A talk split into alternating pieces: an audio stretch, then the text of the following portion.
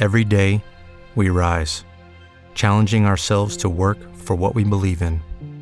At U.S. Border Patrol, protecting our borders is more than a job, it's a calling. Agents answer the call, working together to keep our country and communities safe. If you're ready for a new mission, join U.S. Border Patrol and go beyond. Learn more at cbp.gov/careers. Dit programma wordt mede mogelijk gemaakt door Toto. Welkom bij Wielenflits, een podcast over wielrennen. Of deze week een podcast over veldrijden, want we zijn op de Koppenberg. Vandaag is hier eh, de eerste manche van de X2O-trofee gereden. Bovenop de Koppenberg een klassieker in het veldrijden. Ehm, en dat een paar dagen voor het EK-veldrijden. Dus daar gaan we het over hebben in deze aflevering. Mijn naam is Maxi Morsels. Mijn naam is Seger Schaken. En ik ben Niels Bastiaans. En dit is de Wielenflits podcast.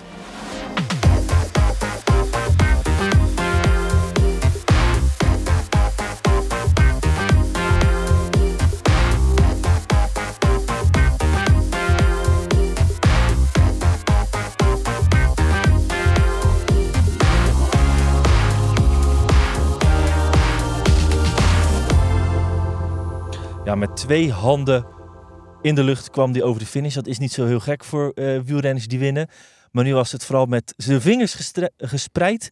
10 vingers. Want 9 plus 1 maakt 10 voor de familie Nijs. Want Thibaut maakt eigenlijk de twee handen compleet. Ja, het is een, eh, de Koppenberg behoort tot de familie Nijs. Het is een echte dynastie dat ze daar hebben. En het was toch... Je had aan de ene kant inderdaad Thibaut met het, het vingertje. En het vingertje wees naar papa Sven, die ook met het vingertje in de, in de lucht eh, stond. Dus dat was echt een, eh, een mooi beeld aan, eh, aan de aankomst. Ja, ze zijn nu zo vroeg in het seizoen een beetje de, laten we zeggen, emotionele zegens al aan één aan het. Eh, we weten nog allemaal hoe Nijs en hoe papa en zoon elkaar huilend in de armen vielen in Waterloo. Nou, dat is goed weg. Maar nog geen maand geleden. Ja, het zijn echt al een, een aantal emotionele crossen geweest voor familie Nijs. En als ik die Bo zo bezig zie, dan gaat het ook niet zijn laatste zegen zijn. Dus er zou wel nog een paar emotionele momentjes kunnen bijkomen. Ja, Niels, ehm, hij zei zelf ook van het is eentje die ik lang nog ga eh, herinneren. Maar als we kijken naar het deelnemersveld, zal het in ieder geval een, een Koppenbergcross zijn die we als veldrit publiek niet zo lang zullen herinneren. Want het was wel jammer aan deze editie dat een hoop toppers ja, toch laten afwegen. Ja, bij- Logische redenen. Mhm, ja, vooral inderdaad bij de, bij de mannen was het eigenlijk vooral Zweek die weer miste van, van de toppers. Maar ik denk vooral bij de vrouwen Ja. zagen we echt wel een, een deelnemersveld dat zwaar onthoofd was. Geen Alvarado. Dat is denk ik wel ja, de belangrijkste concurrente toch geweest van, eh, van Empel in de voorbije wedstrijden. Dat zij er nu niet bij was, ja, dan wisten we ook al bij het schrijven van de voorbeschouwing bijvoorbeeld van ja, er gaat niet veel concurrentie zijn eh, voor Van Empel. Wat toch wel jammer is in, in zo'n wedstrijd die bijvoorbeeld door Sven Nys op voorhand op een gelijke hoogte werd gezet met het eh, EK. Ja, en eh, Alvarado niet. En dan zijn er nog een- natuurlijk een aantal dames er om andere redenen er niet bij. Met Chine van Andro in een rustperiode. Ja. Brand nog altijd geblesseerd. Uh, Puk Pieters in- ook in een eh, rustperiode. Ja, dan is het in één keer eh, juist die grote strijd waar we de afgelopen jaren van genieten, is daar nog eventjes op wachten. Ja, het ding ook is, ja, Fem stijgt er zo hard bovenuit en ze maakt het ook niet spannend. Wat natuurlijk haar, haar, dat is haar grote haar sterkte ook. Ze, ze denken dat ze nooit in een stresserende situatie komt. Bijvoorbeeld vandaag in de Kopmerk, ik denk dat de bovenop de Kopmerk was al weg. Dus dat was een inspanning van een paar minuten en ze was al weg en ze moest al niet meer naar achter kijken. Dus het is echt na enkele minuten dat de cross telkens beslist is.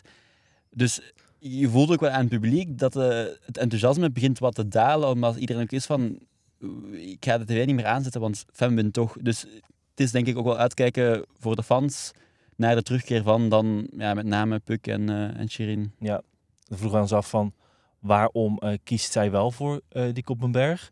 En spaart ze niet, net als andere concurrenten, haar benen voor het EK? Nou, daar was ze redelijk duidelijk over. Zeker, eh, dit is ehm, mijn favoriete cross, dus eh, ik wilde dit zeker niet missen. Waarom is het je favoriete cross? Ja, het heeft toch wel iets, ehm, ja, Koppenberg, eh, weet je, als, eh, als je zegt de Koppenberg, dan eh, weet iedereen wel waar het over gaat. Dus ja, het is gewoon heel, heel mooi parcours.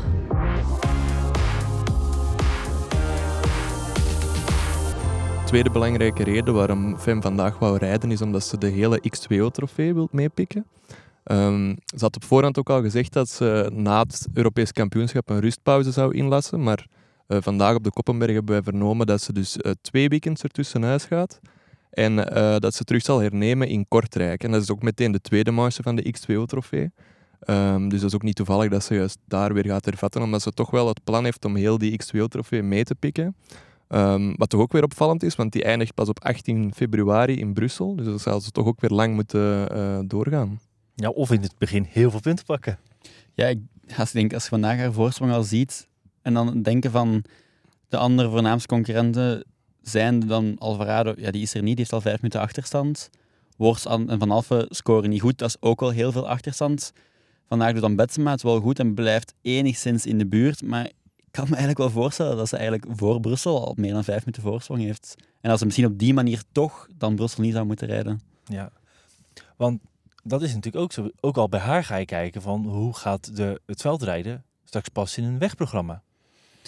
Ja, ja ik, is hopen dat ze, dat ze blijft in het veld. Hè. Ik, ik denk ook wel, wat we nu ook wel bij Van der Poel zien, de waarde van zo'n regenboogtrui. Ik denk dat we dat niet mogen onderschatten. Ik denk, als iemand die trui heeft, dan denk ik echt wel dat ze die gaan willen laten zien in het veld. Dus ik denk ook wel bij Van Empel.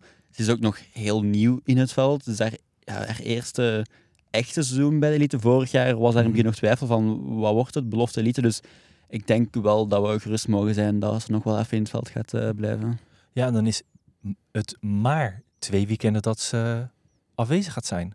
Ja, inderdaad, eigenlijk redelijk kort. Maar dat zei van Jan Boven ook van... Uh, ze heeft een, een, deel op de weg gereden, ze heeft op een mountainbike. Binnenkort gaat ze terug mountainbiken. Dus het is echt wel zaak om korte rustperiodes te nemen en, en dan toch dan terug door te bouwen naar die kerstperiode daarna. Want daar gaat ze dan ook weer... In die periode staan er heel veel X2O's ook weer op het programma. Dus uh, dat gaat ook weer een hele drukke periode worden voor haar, denk ik. Ja, en als je kijkt naar vandaag... Uh, het ging haar ogenschijnlijk makkelijk af. Wint echt met minuten voorsprong.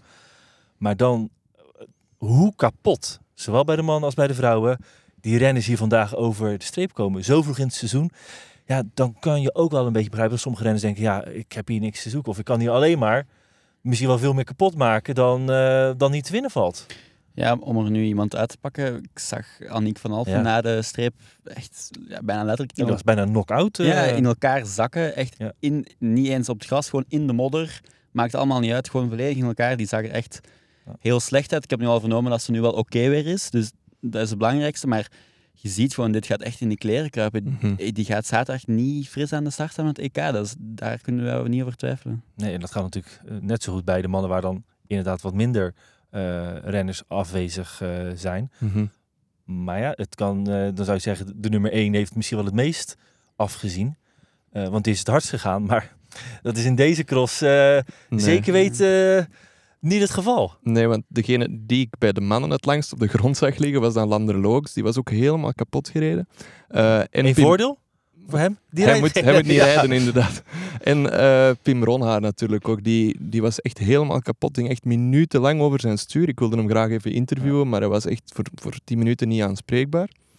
Um, en uiteindelijk bleek dan toch dat het uh, met Ronhaar echt wel niet goed gaat. Ja, je bent zo goed als je laatste cross. Hè, en vandaag was slecht, dus ik... Uh ga de knop moeten omzetten richting zondag. Want uh, nee, ik weet het niet, het is echt slecht.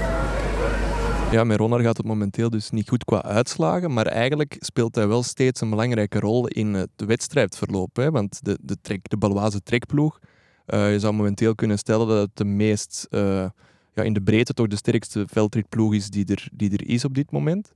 Um, nou, zij zijn echt de dominante factor. Ja, ja je, hebt dus, je hebt Van der Haar, je hebt Nijs, je hebt dan Ronhaar en Nieuwenhuis in mindere mate. Maar wat ik vooral opvallend vond in, in de afgelopen crossen, Maasmechel, en eigenlijk vandaag was er ook wel een beetje een voorbeeld van, is dat Ronhaar ja, de aanvallende factor op zich neemt. Hij breekt de wedstrijden open. Iserbiet die rijdt dan die gaatjes terug dicht met dan een Van der Haar of een, of een Nijs in zijn wiel. En zo speelt Ronhaar, ook al voelt hij zichzelf dan niet goed, wel een heel belangrijke rol in die overwinningenreeks van Baloise Trek. Ja, is dat nou strategie van hem? Offert hij zich voor die andere renners op? Ik, ik, vermoed het niet. Ik denk dat het ook wel ermee te maken heeft dat Ronnaar een heel jonge renner is. Hij komt ook wel redelijk temperamentvol over. Ik denk wel dat dat daar de belangrijkste reden voor is. En ja, wat Niels zegt, klopt ook wel echt. Ik denk dat Ronnaar echt een cruciale factor is in het succes van Balwaarstrek Lions. Omdat Paul Saus Bingo is in de breedte gewoon minder sterk en heeft ook minder renners. Zij hebben alleen. Eli Iserbiet en Michael van Toornhout. Michael van Toornhout is zeker niet slecht, maar is nog niet op het niveau dat hij echt kan meestrijden voor de zegen op dit moment. Ook door ziekte. Ook door ziekte, dus moet Eli het telkens oplossen. En dat gaat wel een aantal keer, maar dat gaat ook niet altijd. En dan, ja, als je dan nog Thibaut Nijs hebt of Lars van der Haar hebt die een keer kan aanvallen, ja, dan ben je eraan. Ja, maar dan gaan we het dus nu wel hebben over dat het dan toch ploegtactiek hier het verschil gaat maken. Is het niet meer juist dat er gewoon een renner moet zijn die vroeg in de wedstrijd wegrijdt en dat het eigenlijk niet heel veel uitmaakt wiens shirt dat, in wiens shirt hij rijdt? Goh, ik, denk dat het toch wel belangrijk is. Stel nu dat bijvoorbeeld Laurens Week wegrijdt, dan moeten mannen van Balwaze er ook achter rijden. Dus als zij zelf iemand voorop hebben, en dan liefst niet Thibaut of Lars, aangezien zij dat nog kunnen afmaken in de finale, ik denk dat het toch wel nog een belangrijk verschil is. Ja, en nogthans is dat ook niets wat uit de ploeg zelf komt. hè. Ik heb het daar straks aan de ploegleider, aan Erik Braas, gevraagd. En die zegt, ja, we gaan eigenlijk nooit een wedstrijd aan de start staan met een bepaald plan. Er is niet dat, het is niet dat Ronnaar per se wordt vooruitgeschoven. Het is inderdaad zijn eigen temperament. En eh, ja, bij de ploeg zijn ze er ook niet altijd even blij mee. Ze denken van, hou je soms eens een keertje in. eh, dat er misschien zelf ook een uitslag in zit. Want ze, ze vinden het eigenlijk stiekem bij Baloise Trek ook wel leuk om met zoveel mogelijk verschillende renners te Mhm. winnen, hebben ze mij verteld. Dus. Ja, en ze zijn in één keer van ploeg die toch altijd eh, het, het, het van de haar moesten hebben. Mhm. Ja, in één keer de, renner- de ploeg die met verschillende renners cross aan het winnen is en zelfs Mhm. dit soort monumenten. Ja, als we even teruggaan naar het seizoen, naar Waterloo, daar eigenlijk waar Ronnaar Ja. het wel kon volhouden, werd hij Mhm. derde. Ja, stonden ze met, vijf, met vier man in de top vijf. Dat is, dat is iets wat ze twee jaar geleden niet zouden kunnen voorstellen bij Sven Nee. Nys. Toen dachten we eigenlijk nog van ja, het is daar op de terreinen van Trek. Misschien dat ze daar extra gemotiveerd of vroeger gepiekt hadden, maar ze blijven het gewoon doortrekken. En dat vind ik eigenlijk wel heel straf. Ze hebben eigenlijk die rol van Paul Sauze Bean Goal van de afgelopen jaren hebben ze eigenlijk overgenomen. Ja, en wat denken we daarvan? Is het, eh, zijn die ploegen zwakker geworden, minder goed geworden? Of heeft Trek Balwaze gewoon geluk dat er nu zeker twee toptalenten zijn door aan het breken? Met Thibaut Nijs, met Pim Ronnaar. eh, Lars van der Haar die zichzelf aan het eh, misschien wel heruitvinden is. Of in ieder geval echt die stap vooraan, die aansluiting vooraan eh, nog vaker maakt. En dan natuurlijk nog een Joris Nieuwhuis die Mhm. nou ja, van de drie, van de vier, nu nog het meeste eventjes Mm. worstelt dit begin van het seizoen. Ja, je zou kunnen zeggen geluk, maar ze investeren ook wel in een goede jeugdopleiding. hè. Ze hebben haar daar ook weggehaald bij Bean Goal. Dus ehm, het is vooral die goede jeugdwerking, denk ik, van de ploeg, waar ze ook wel nog vruchten van kunnen plukken. Ja, ik denk dat dat inderdaad gewoon het belangrijkste verschil is. Ja, ik denk dat ze bij House Bingo, ze hebben wel talenten, al- als in Ryan Kamp zit daar bijvoorbeeld nog. Ook in de, in de wat jongere categorie hebben ze wel een aantal namen. Maar zij zitten echt met een structureel probleem dat zij niet het wegseizoen kunnen aanbieden dat andere crossploegen wel kunnen aanbieden. aanbieden. Bijvoorbeeld ja, de mannen van Bart Wellens, die hebben de link met Intermarché. Ja, bij Sven Nys hebben ze de link met Trek. Dat zijn wegprogramma's die zij gewoon niet kunnen aanbieden. En dat is gewoon een heel groot verschil in de jeugd. Ja, als je gaat kijken het lijstje, of als je het lijstje zou opmaken met toptalent wat vertrokken is bij eh Paul Sauze Bingol en nu bij andere ploegen aan doorgebroken is, dat is echt indrukwekkend. Ik bedoel, Fan van Hempel kunnen we er ook op zetten. Ja, Fleur Moors. Ja. Gerben Kuipers, dat is iemand dat we wel vergeten, maar die heeft ook daar gezeten. Dat is nu wel een ander verhaal, maar die is daar ook weggegaan. Dus Ja.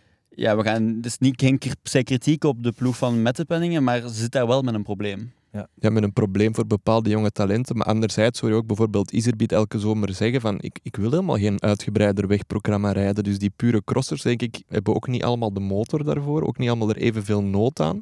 Maar ja, Iserbiet is ook nog van een iets andere generatie. Natuurlijk de nieuwe generatie, bij die jonge toptalenten wordt dat wel een beetje verlangd. Ik hoorde dat deze week ook van Cameron Mason, die ook de veldritploegen voor het uitkiezen had. En die dan ook voor een variant van Alpes in de Keuning kiest, omdat hij daar gewoon gemakkelijker die disciplines kan eh, ja, en je combineren. ziet, kan je hard rijden in het veld, dan kan je ook hard rijden op de weg. En waarom zou je dan niet die ambities ook nog gaan najagen op de weg waar toch de prestige en in het gevolg daarvan ook het geld te verdienen valt? Je kunt eh, het, het moeilijk kwalijk nemen. Ja, het is het best, beste van beide werelden. Ja. Dus eh, dat is een trend die zich alleen maar gaat verder. Ik kan me niet inbeelden dat er een, een jong talent gaat komen die nu gaat zeggen ik wil niet op de weg rijden in de zomer. Ehm, toch- als we toch even teruggaan naar de vrouwenwedstrijd. eh Fan van Empel die, daar, die er met kop en schouders bovenuit eh, steekt. daarachter was een spannende strijd eh, gaande. Met, nou ja, van tevoren hadden we het over haar en zeggen we, er zit misschien wel een verhaal in om gewoon eens even te vragen, hoe is het met Denise Betsema? Want ja, lastig seizoenstart gehad natuurlijk met de gevolgen van een valpartij. Ehm, nou ja, en dat, hoe het met haar ging, dat kregen we te zien, want ze werd tweede en daar was zij bijzonder blij mee.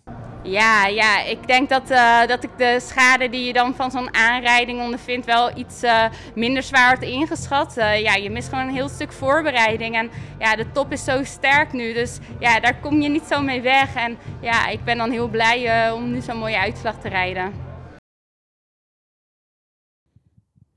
Ja, dan was er vandaag ook nog eventjes een beetje twijfels over de Koppenberg 2024. Want ehm, die wordt altijd traditiegetrouw sinds 1999. Ja, eh, klopt. ja, nou, dan mogen we wel spreken van een eh, inmiddels een traditie. Op 1 november eh, georganiseerd.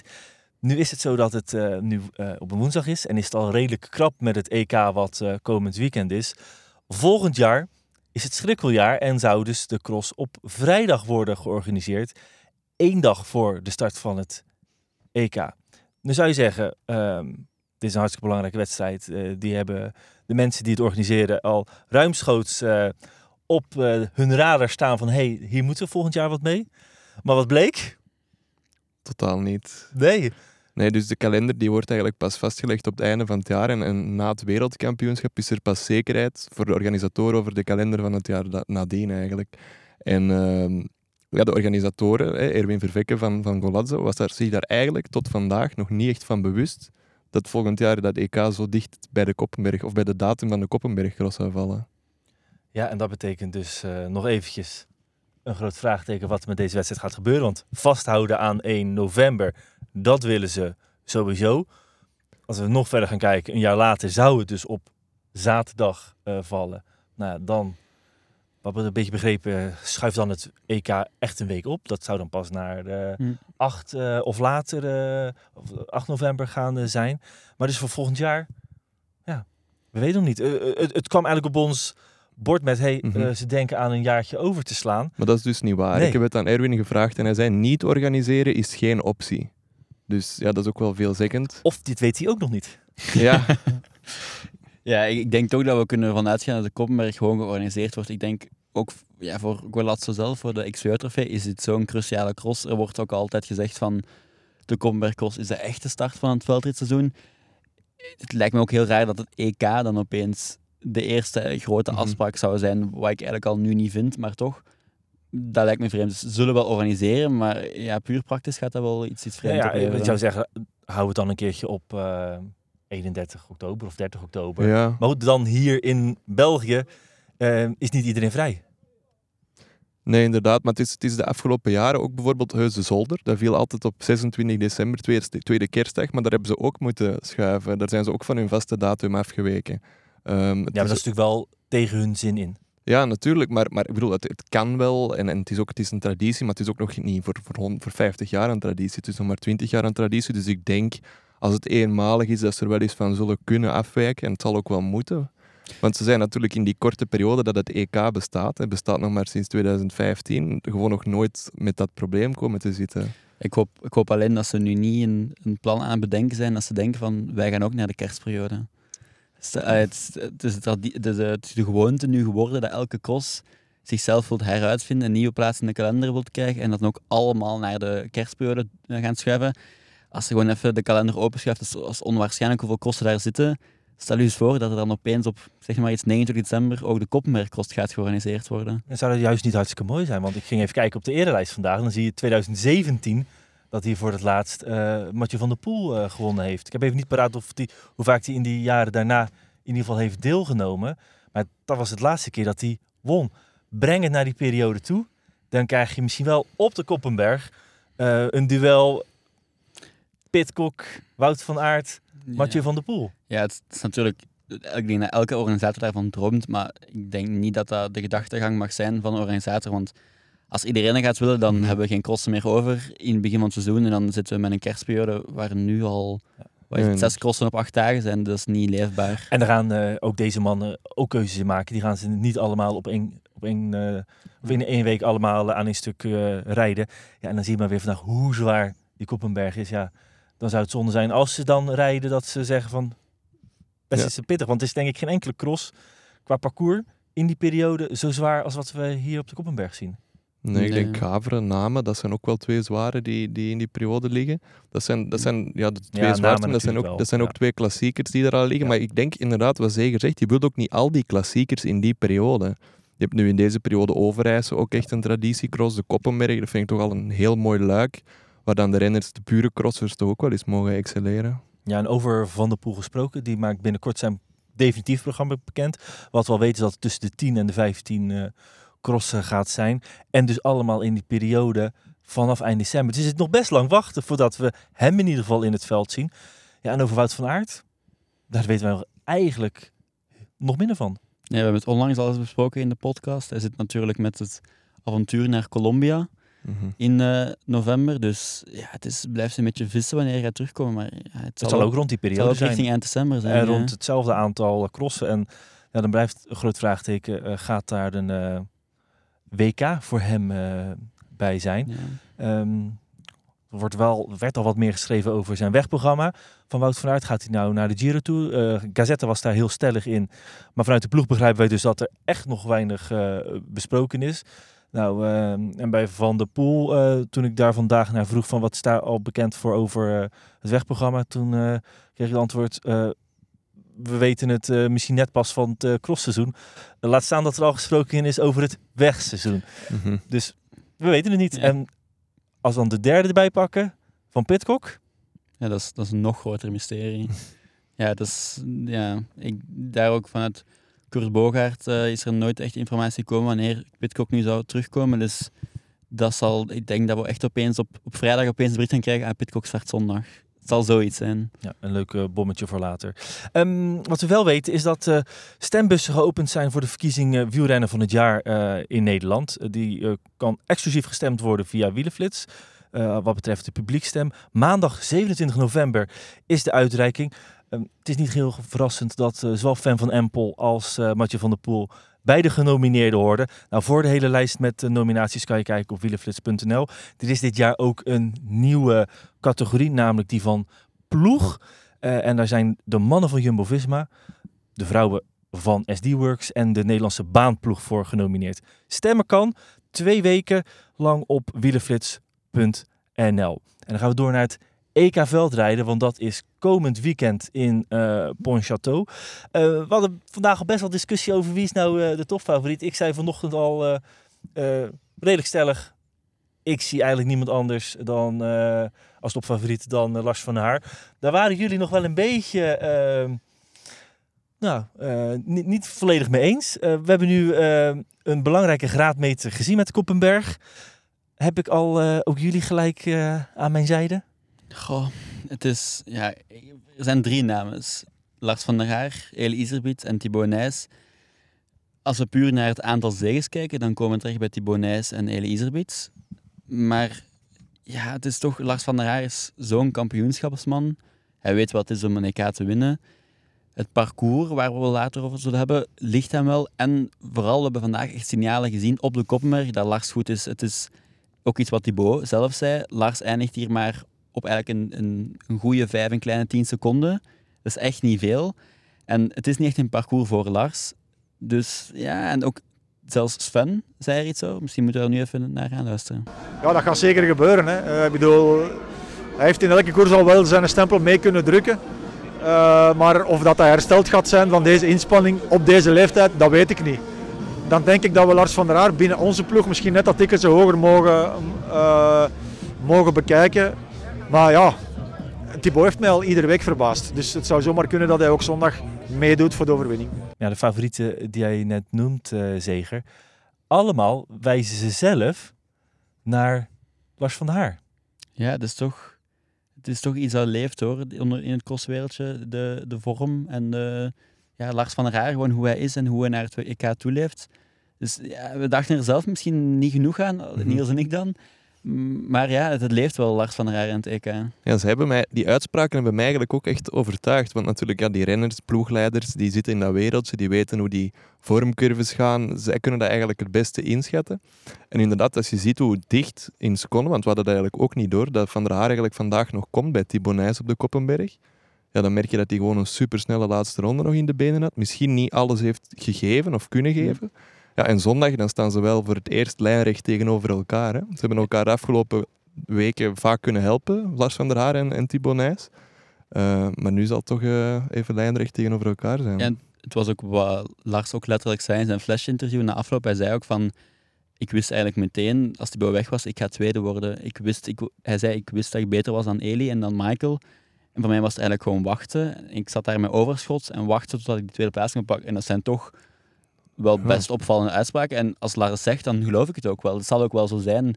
Zij spreekt ook met vertrouwen. Dus ja, dus, ik denk wel dat we mogen zeggen dat Lars topfavoriet is. Ja, de uittredend kampioen, eh, Michael van Torenhout. Nou ja, daar is het eh, vertrouwen bij hemzelf eh, redelijk in de schoenen gaan zitten. Hij was in Maasmechelen uitgestapt. En ook vandaag was het voor hem echt worstelen, hè? Ja, ik ik denk bij de eerste doorkomst aan de streep zagen we hem echt al opdraaien rond positie 19. En toen, toen dacht je van, dit wordt echt weer een off-day. Dan kwam hij eigenlijk wel weer in de wedstrijd en zag het er eigenlijk best veelbelovend uit. En hij rijdt hier zeker geen slechte wedstrijd. Mhm. Maar je zou hem toch dichter mogen verwachten. Vorig jaar ja, leek het er ook op dat hij de wedstrijd ging winnen. De laatste Koppenberg toen ja, deed het anders eh, uitkomen. Maar het is toch niet de Michael die we vorig jaar hebben gezien. Al denk ik misschien ook dat we hem door die grote zegens van vorig jaar, zijn het EK, BK en Overijse, ik wil niet zeggen overschatten, maar Michael is geen veelwinnaar. En dat was hij vorig seizoen ook niet. Maar misschien door die grote zegens verwachten we nu meer van hem dan we eigenlijk zouden moeten verwachten. Ja, en wie weet, ja, hij is een kampioenschapsman. Wie weet staat hij er zondag wel opeens. Mhm, ja, want ik ben, hem, ik ben hem na de finish ook gaan opzoeken vandaag. En, en ja, normaal, hij moet zich inderdaad niet verander, verantwoorden waarom hij niet op het podium staat. Maar toch wordt die vraag aan hem gesteld van, gaat het dan wel wat minder of zo? Want ja, Maas Mechelen is uit de wedstrijd gestapt. Was, eigenlijk had hij nu ook nog geen verklaring voor. Eh, vandaag ja, ging het dan met momenten goed, met momenten minder. Maar hij maakte zichzelf ook niet echt zorgen, zei hij. Hij zei, ik ben, ben op zich wel in goede doen. Ehm, en het gaat zeker niet minder met mij, zoals er hier en daar wordt eh, geïnsinueerd. Dus ik denk dat inderdaad het verwachtingspatroon er ook wel heel veel mee te maken heeft. Ik denk ook wel dat het door de, de sterkte van Balazs Lions nu Michael een onzichtbare rol heeft gekregen. Ik denk dat hij misschien de persoon is daar het meest onder leidt qua prestaties. Als in dat het vorig jaar ja, naast, ja, naast Eli was er eigenlijk veel minder sterkte. Dus dan was misschien Lars van Haar die won, maar of was het dus Michael die won. En nu is dat gewoon niet, omdat er nu Thibaut nog bijgekomen is, Pim is bijgekomen. Dus ik denk dat hij misschien wel een van die jongens is die daaronder leidt, om het zo te zeggen, onder die nieuwe situatie. Maar ja, het is, Michael is een man van de uitschieters en Mhm. we moeten hem zeker niet, eh, niet gaan afschrijven. Wat moeten we weten over het eh, parcours? Goh, ja, Niels en ik hebben het deze week samen eens naast elkaar gelegd. De, de vergelijking dan van 2016, toen er ook een EK was in Pontchâteau, waar Toon Aertsen won. En eh, het, het kaartje van dit jaar. En er zijn toch een aantal aanpassingen. Zijn dat er, er zijn nog altijd heel veel lange rechte stukken, maar er zijn wel meer bochten bijgekomen. Het was toen, het werd wel een halve wegkoers genoemd, toen, eh was het zeven jaar geleden. Het was ook een heel tactische bedoeling toen. Hè. Aerts is toen weggereden en, en daarachter werd er dan door Van Aert afgestopt. Maar we herinneren ons toen, want er waren gewoon bijna geen hindernissen. Het werd allemaal op die lange rechte stukken gespeeld. Er was één klim met bovenaan balkjes, die nu ook eh, redelijk dicht bij de aankomst ligt trouwens. Dus dat kan nog wel een, een bepaalde rol gaan spelen. Maar een ander groot verschil is natuurlijk de weersomstandigheden. Hè. Toen Aerts won destijds was het ja, stralende zon, herinner ik mij nog. Maar ja, nu deze week en, en zeker zaterdag wordt er stormweer in Pontchâteau verwacht. Ja, dus misschien nog wel meer modder dan we hier gezien hebben. Ja, ik denk het. Die, die voorspellingen waren echt om bijna schrik van te krijgen. Dus het was ook iets wat ik aan uh, Fem van Empel vroeg uh, in het uh, interview. En zij zei ook van, ik ga er niet naar kijken, want ik word er depressief van. dus het, is echt, het, het, gaat echt iets geven. En als het echt zo gaat zijn, we gaan echt een, modder, een modderfestijn geven. Wat denk ik wel een overwinning is voor het publiek. Omdat inderdaad, zoals Niels zei, het was echt wel een raar EK toen in 2016. En dat was trouwens ook iets wat El Iserbiet zei. Mm -hmm. Het is een parcours echt een, waar heel brede, brede wegen zijn, wegenvelden. Eh, En Elie noemt het wel een kampioenschapswaardig parcours, maar toch, het is echt, je hebt echt een vreemd Ja, beeld. Destijds was er wel discussie over, inderdaad. Hè? Hm. Dus ja, we zullen zien. En wat nu ook gaat meespelen, als we kijken naar het koersverloop, we hebben het net gehad over hoe ehm Trekbal Lions van elkaar kunnen profiteren. Eh, ja, dat gaat nu in één keer tegen elkaar moeten rijden. Want ja, Ron Haar van der Haar eh, in het oranje en eh Nijs die het met de Belgen zal moeten oplossen. Ja, Nijs gaat het niet kunnen hebben net van zijn ploeg nu. En ik kan me ook niet voorstellen dat de Belgen ehm, opeens met een ploegtactiek gaan, eh, gaan komen. Ik denk ook niet dat dat aan de orde is. Ik denk dat de enige eh consignes die ze gaan meekrijgen is niet tegen elkaar rijden. Ik denk niet dat er per se gaat verwacht worden, en zo is het altijd in de cross wel, van, van om elkaar te gaan opofferen of, of voor elkaar te rijden, maar vooral niet tegen elkaar rijden. Dat is de grootste angst van elke bondscoach, Ja. denk ik. Mhm. Eh, Ja, wat dat betreft een geluk dat het dus zo modderig eh, gaat zijn. Mhm. Ja, dat de sterkste eh, hierin echt wel naar boven gaat. ja, eh, ja, we- weten natuurlijk ook niet of dat, ja, bijvoorbeeld in, in, ehm, in Ruddervoorde, daar heb je ook een weide die, die heel hard gedraineerd is. Dus daardoor krijg je daar nooit echt de, de absolute modder of die diepe modder, zoals hier op de Koppenberg wel. We weten ook niet hoe dat die weide daar in Pontchâteau erbij ligt, of, of wat dat daar de maatregelen zijn die de organisatoren nemen. We hebben ook de organisatoren proberen te bereiken, maar die hebben we hebben geen reactie van gekregen. Dus we- het is eigenlijk een heel één groot mysterie, een beetje dat parcours. En dat merk je hier ook wel op de Koppenberg. Niemand weet echt goed wat te verwachten of zo. Ja, ik vroeg ook ik vroeg letterlijk ook aan, aan Thibaut van, voor ons is het een mysterie, hoe is het voor u? En hij zei wel van, dat hij, hij heeft één keer gereden in Pontchâteau, maar dat was wel zijn eerste wereldbekerzege bij de eh, junioren. Dus hij heeft ook wel een mooie herinnering aan Pontchâteau. En hij zei ook van... Als Kan het dus weer eh, historie voor zijn Ja, gaan schrijven? Er zullen weer emoties zijn. Eh, niet onlogisch. Bon, hij zei ook van, als het daar har- een harde ondergrond is, dan is het eigenlijk een goede, goede cross voor mij. Maar ook als het een zware ondergrond wordt, een zware cross wordt, is het ook goed voor mij. Waar verwachten jullie dat er meer strijd gaat zijn? Welke wedstrijd gaat spannender zijn? Die bij de elite man of de elite vrouwen? Nou, dat is niet echt een moeilijke vraag, denk ik. Hè? Ja, de elite mannen. Ja, absoluut. Hè. Denk, Elie zei het vorige week ook, er zijn vijf of zes kanshebbers. Als je dan mannen zoals Michael van Toerenhout er ook gaat bijrekenen. Ja, en, en we bestempelen nu wel Van der Haar als topfavoriet, maar als het inderdaad weer tactisch zou worden, wat we dus niet per se verwachten, dan kan er zoveel gebeuren. Terwijl bij, bij de vrouwen, ik kan niet zeggen dat het al vast ligt, maar er zou toch wel iets heel geks moeten gebeuren mocht Van Empel niet winnen. Hè. Ja, ik wil ook bij de mannen misschien nog een aantal andere namen uitlichten. Het is ook iemand die we misschien aan het vergeten zijn, Laurens Zweek. Hij heeft nog, hij heeft nog niet gewonnen dit seizoen en hij, hij rijdt nog niet de beste uitslagen. Maar als het de weeromstandigheden meevallen, als het niet te modderig wordt, dan zie ik ook perfect Laurens Zweek opeens een gooi doen naar de zege. Het is ook wel iets, het kan wel zo'n typische cross worden waar hij opeens boven zichzelf uitsteekt. En als het wel modderig wordt, ja, dan is er Gerpen Kuipers. Dus Ja. misschien de meest besproken man van het veldritseizoen. Maar hij is echt de man van de vermogens. De insiders in de cross eh, die vallen van hun stoel als ze de vermogens zien van Gerben Kuipers. Die kan zo hard met de fiets rijden. Maar moet wel vaak uit de achterhoede terugkomen omdat die start tot nu toe niet zo lekker loopt. Ja, dat is, dat, is, dat is het probleem bij hem. Hij, is- hij heeft nog niet al te veel UCI-punten kunnen verzamelen vorige, de vorige jaren. Dus hij staat vaak op de tweede rij en die start verloopt niet altijd even goed. Want in Rudevoorde was het weer indrukwekkend hoe die vanuit de achterhoede Mhm. ja, naar voren komt. Maar ja, Maar vervolgens- nogthans, nogthans is het binnen de ploeg geen thema. Ik ben het er straks nog aan Bart Welles gaan vragen. Die zei van ja, we, we nemen die start ook wel op in onze crosstraining. En nota bene heeft Kuipers een ploegmaat, Kevin Kuhn, de Zwitser, die daar juist de, allerbeste in is. Die zei ook van 9 van de, van de 10 crossen draait hij als eerste in het veld in. Dus waarom zou Kuipers dat dan niet kunnen? Ja, blijkt dus dat Kuhn een, een ja, nogal lenige renner is, die zich nogal makkelijk tussen een gaatje kan wringen en dat Kuipers daar ja, soms niet aan toekomt. Daar komt er nog eens bij dat hij ook op de tweede rij vaak start. Dat is eigenlijk volgens Bart Welles dan eh, de grootste factor waardoor dat Kuipers momenteel die start vaak mist. Komt dan ook nog eens bij, vorig seizoen heeft hij vaak de Coupe de France wedstrijden gereden. Dat zijn allemaal UCI-punten die hij nu gaat verliezen. Daarin tegenover staat wel dat hij nu dus TK mag rijden, dat hij eh, wereldbekers mag rijden. En daar zullen dus extra UCI-punten moeten worden gepakt, zodat hij in die top 10 van de UCI-ranking komt. Hè.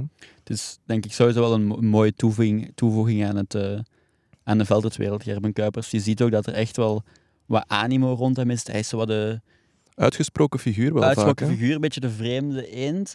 Mm, Totaal niet negatief bedoeld, maar ook als je ziet hoe hij dan zo'n koers aanpakt, hij wil heel snel terug naar voren geraken. Misschien zelfs soms iets te snel. Mhm. Ik meen ook herinneren dat Bart Wellens ook eens zei van, ja, doe het rustiger aan, Mhm. deel het beter in. Maar je ziet toch wel dat iedereen aan het kijken is van waar is Gerber, Ku- waar zit Gerber Kuipers, waar zit hij, komt hij al naar voren. En hij is wel zo'n jongen die dan echt wel een sprong kan maken naar de top. Ook omdat, hij- we hebben met hem gesproken in vrijdag de 13e, de, de rubriek. Ja, vorig jaar, in het begin van het seizoen, die jongen werkte gewoon nog vier vijfde. Mhm. Dat is echt een, een heel apart verhaal. En daar zit gewoon nog heel erg veel marge op. Die heeft dit, deze zomer voor het eerst een echt wegseizoen kunnen rijden bij Intermarché uh, Circus Wanty. Daar heeft hij ook heel veel, eh, daar, daar plukt hij nu de vruchten van. Door die langere koersen, door sterker te worden. Als die stappen blijft maken op zijn tempo, dan kan hij echt zijn voet zetten naast, eh naast Elizabeth, et cetera. Ja, en hij durft ook zijn eigen ding doen. Hè. Kijk naar de Koppenberg die hij vandaag als een van de enige mannelijke toppers dan samen met Zweek links laat liggen. Dat gaat hem alleen maar ten goede komen zondag. Hè. Daarom, je noemt nu die twee renners, maar ja, die gaan er echt wel de, vlucht, de vruchten van plukken dat ze vandaag niet zo diep zijn geweest. Als je dat zegt, hoe dat die renners hier vandaag over de aankomst kwamen. Het EK is eh, komend weekend. Voorbeschouwing eh, die staat eh, inmiddels eh, al online. En via Wielenflits kan je daar alles blijven volgen met ehm, het programma en uitslagenbericht. Waarin je dus ook precies ziet hoe laat, waar en wanneer en wie gaat starten. Alles dus te volgen op wielenflits.nl. Dank voor het luisteren naar deze podcast. Wij zijn de volgende week weer met een nieuwe aflevering van de Wielenflits podcast.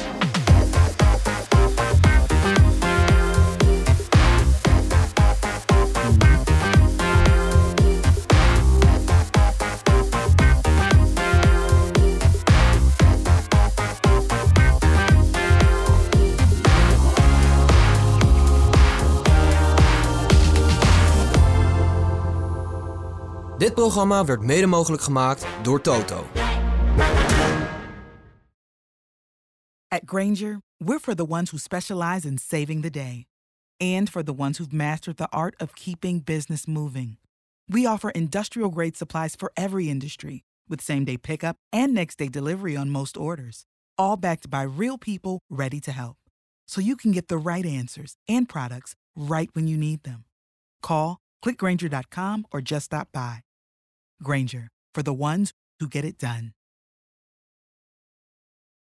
Are you struggling to lose weight and keep it off? Tired of wasting time and money on starvation diets that lead to more frustration and stress? If there was a weight loss solution that could actually work for you, would you try it? Then head to golo.com. I'm Steve. I lost 138 pounds in nine months on Golo. I'm Amber. I've lost 128 pounds with Golo taking release. If you're ready to take back control of your life, head to golo.com now and see how Golo can work for you. That's G O L O.com. My sleep is way better. My inflammation has gone way down. Golo saved my life. I was way overweight. That's what sent me down the path. I wanted to make sure and live for my kid. I have literally tried everything. I was on the verge of getting gastric bypass surgery, and I saw the Golo commercial, and it was the last thing I tried because it worked. Join over 2 million people who have found a better way to lose weight with Golo. Your healthier and happier life begins at golo.com. That's G O L O.com. Again, G O L O.com.